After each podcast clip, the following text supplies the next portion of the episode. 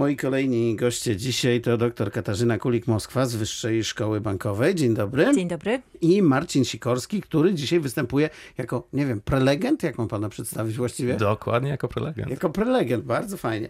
E, to brzmi w każdym razie. Będziemy rozmawiali o e, konferencji TEDx WSB, e, którą pani dr Kulik-Moskwa będzie prowadziła. Na czym te konferencje polegają? Bo to jest taka, można powiedzieć, ogólnoświatowa marka, prawda? Tak, to jest y, marka, y, która została w Stanach Zjednoczonych w latach 90. No i to ma y, taki całościowy charakter, który łączy technologię, rozrywkę, design. Ma bawić, uczyć. Ja bym nazwała to taka uczta intelektualna. Właśnie, do czego to służy? Bo nad tym się zastanawiałem. Czy ona ma tak jak nieraz to bywa, nie wiem, inspirować do działania? Tak, właśnie, inspirować. I ja bym powiedziała, że ja bym oczekiwała, że te osoby, które wychodzą z takiego wydarzenia, z takiego TEDxu, już wiedzą, co mają zrobić, żeby są zainspirowani, nie wiem, po naszym TEDxie będą wiedzieli, jak ćwiczyć swoją uważność, jak gotować z resztek, jak pozbywać się plastiku, czyli konkretnie wychodzą, są zainspirowani i działają. I będą wiedzieli, jak się e, nie uzależnić od e, różnych smart produktów, tak? Bo pański wykład nosi tytuł? Smart uzależnienia, właściwie skutki smart uzależnień. Generalnie nie tyle będą wiedzieć, jak się oduzależnić, ale jakie są już teraz problemy w tym naszym świecie, gdzie internet rzeczy praktycznie jest wszędzie. Mhm. Co należy robić i na co zwrócić uwagę. I wbrew pozorom nie będzie to tylko skupione na zdrowiu fizycznym i technologicznym, czyli naszym bezpieczeństwie danych, ale bardziej prospołecznym, jakie to ma skutki na nasze więzi, relacje i to, co dzieje się wokół nas. No ale ciekaw jestem, czy pan się czuje jako e, ktoś, kto ma dostarczyć, nie wiem, wiedzy bardziej, czy rozrywki e, bardziej, jako jak ta gwiazda roka na scenie, czy raczej jako bardziej... specjalista w wąskiej dziedzinie? nie, bardziej jako osoba, która postara się wystraszyć i może w ten sposób wpłynąć na widownię, uzmysłowić im, e, na czym aktualnie pracujemy i co się dzieje wokół nas. Tak? To ja będę jeszcze prosił o przestraszenie nas teraz za chwilę ale chciałem zapytać, co oprócz takich strachów na tej konferencji akurat będzie można zobaczyć, o czym posłuchać. Byłem na poprzedniej i wtedy pamiętam, że występował mistrz świata w nurkowaniu na bezdechu. I, on I były emocje. Tak, zanurzył głowę w akwarium i, mhm. i, i bezdechował, no jak to mistrz świata w nurkowaniu. A mhm. tym razem? No tym razem będą e, takie tematy związane właśnie ze zdrowiem e, i z takim dobrym życiem, tak, z jakością życia, bo to będziemy poruszać w takiej sferze biznesowej, ale o zdrowiu będziemy mówić zdecydowanie holistycznie, więc będą tam takie wystąpienia jak uważność, czyli jak ćwiczyć tą swoją uważność. No właśnie, to stres. teraz jeszcze powiedzmy, co to mhm. jest ta uważność. Uważność to jest inaczej mindfulness, teraz się też mhm. mówi, jeszcze może trudniejsze słowo. Nowy termin. Tak, tak, nowy termin. I to jest taki termin, gdzie mówimy o tym, żebyśmy doceniali też taki wgląd w siebie, tak? W, w uważność, no właśnie, to już to słowo mi tak weszło, że trudno mi je wytłumaczyć. Tak, takie być tu i teraz, doceniać też tą chwilę, ale skupiać się też na e, zadaniu, na tym, co robię, doceniać, y, słyszeć siebie, tak bym powiedziała, wgląd w siebie. Mhm. Oczywiście specjaliści będą o tym mówić więcej. Tomek Kryszczyński, który też e, poruszy tutaj e, ten temat, ale też siła dżemki, temat, w którym będziemy mówić, jak zarządzać swoimi emocjami, taki, albo energią, o inaczej mogę powiedzieć, bardziej energią. Jest dużo takich tematów, 17 wykładów właśnie gdzieś, które będą się koncentrować na takim holistycznym podejściu do jakości życia. Zdarza nam się tutaj rozmawiać od czasu do czasu i zawsze rozmawiamy wtedy zawsze, nie zawsze, ale najczęściej well-beingu. Właśnie, bo to jest też to. To jest to? Ta tak. konferencja ma z tym związek, No nie? oczywiście, well-being to dobrostan, jak już mówiliśmy. Słowo, no, zgodziliśmy się, że będziemy go używać. Lepszego nie ma, to Właśnie. będzie. No i w tym dobrostanie zdrowie, tak, czy takie życie świadome e, z sensem, to będą właśnie te tematy. I będą nawet karty well-beingowe, więc well-being właśnie to jest karty do grania, czy co? Nie, to będą takie karty, gdzie będziemy angażować też publiczność. E, powiedzmy taka gra terenowa, Aha. w którym będziemy na karcie zbierać um, pieczątki, bo będą tam różni sponsorzy zaangażowani. Wszystko w temacie właśnie takie zdrowia i jakości życia, tak żeby działać, tak żeby publiczność była zaangażowana, bo wtedy siła oddziaływania na tą zmianę będzie większa. To teraz proszę nas przestraszyć trochę. Jak się uzależnimy od tych smart produktów, to co nam grozi? Właściwie to nie jest kwestia czy, bo to już się dzieje, tak? Jesteśmy już uzależnieni. Że dziabiemy w ten telefon Tak, cały tak. czas, prawda? Uwielbiamy ekrany. Im więcej ekraników, im bardziej kolorowe, tym lepiej. Em, jeżeli najbardziej miałbym postraszyć, to bym postraszył tym, co się dzieje w relacjach międzyludzkich. O ile zdrowie jesteśmy w stanie naprawić, tak? Postawę naszego ciała, żeby nie mieć nienaturalnych ruchów, o ile bezpieczeństwo jesteśmy w stanie naprawić, bo po prostu kupimy lepsze serwery, lepsze zabezpieczenia, no to relacje prospołeczne z tym już będzie gorzej. Tak zwane pokolenie iGen albo pokolenie Z, czyli pokolenie po milenialsach, które się urodziło po roku 95, no to Mhm. jest to, które... Najmłodsi tak teraz. jest, to, Najmłodsi dorośli, tak? tak jest, najmłodsi dorośli. To jest to pokolenie, które już żyje tym smart świecie, rozumie, co to jest ten smart świat i nie wyobraża sobie życia bez niego.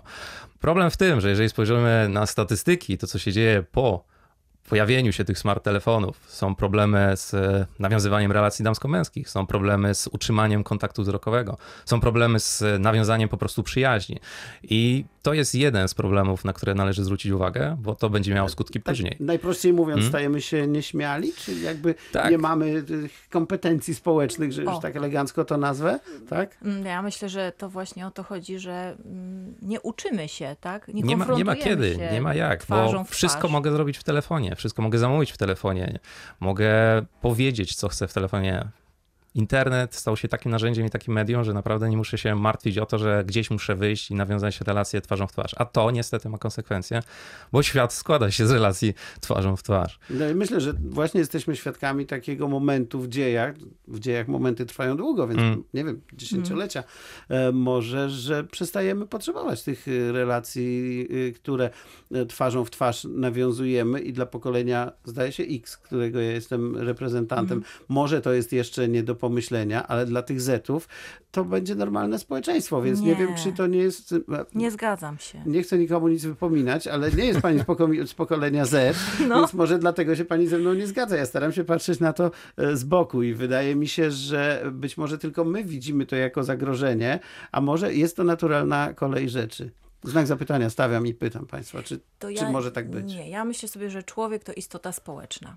Tak? I gdzie relacje są takim mm, narzędziem, które to jest kwestia też przetrwania. Jeżeli my stracimy umiejętność odczytywania em, komunikacji niewerbalnej, no, na Gestów, przykład relacja, głosu. tak, matki z dzieckiem, tak?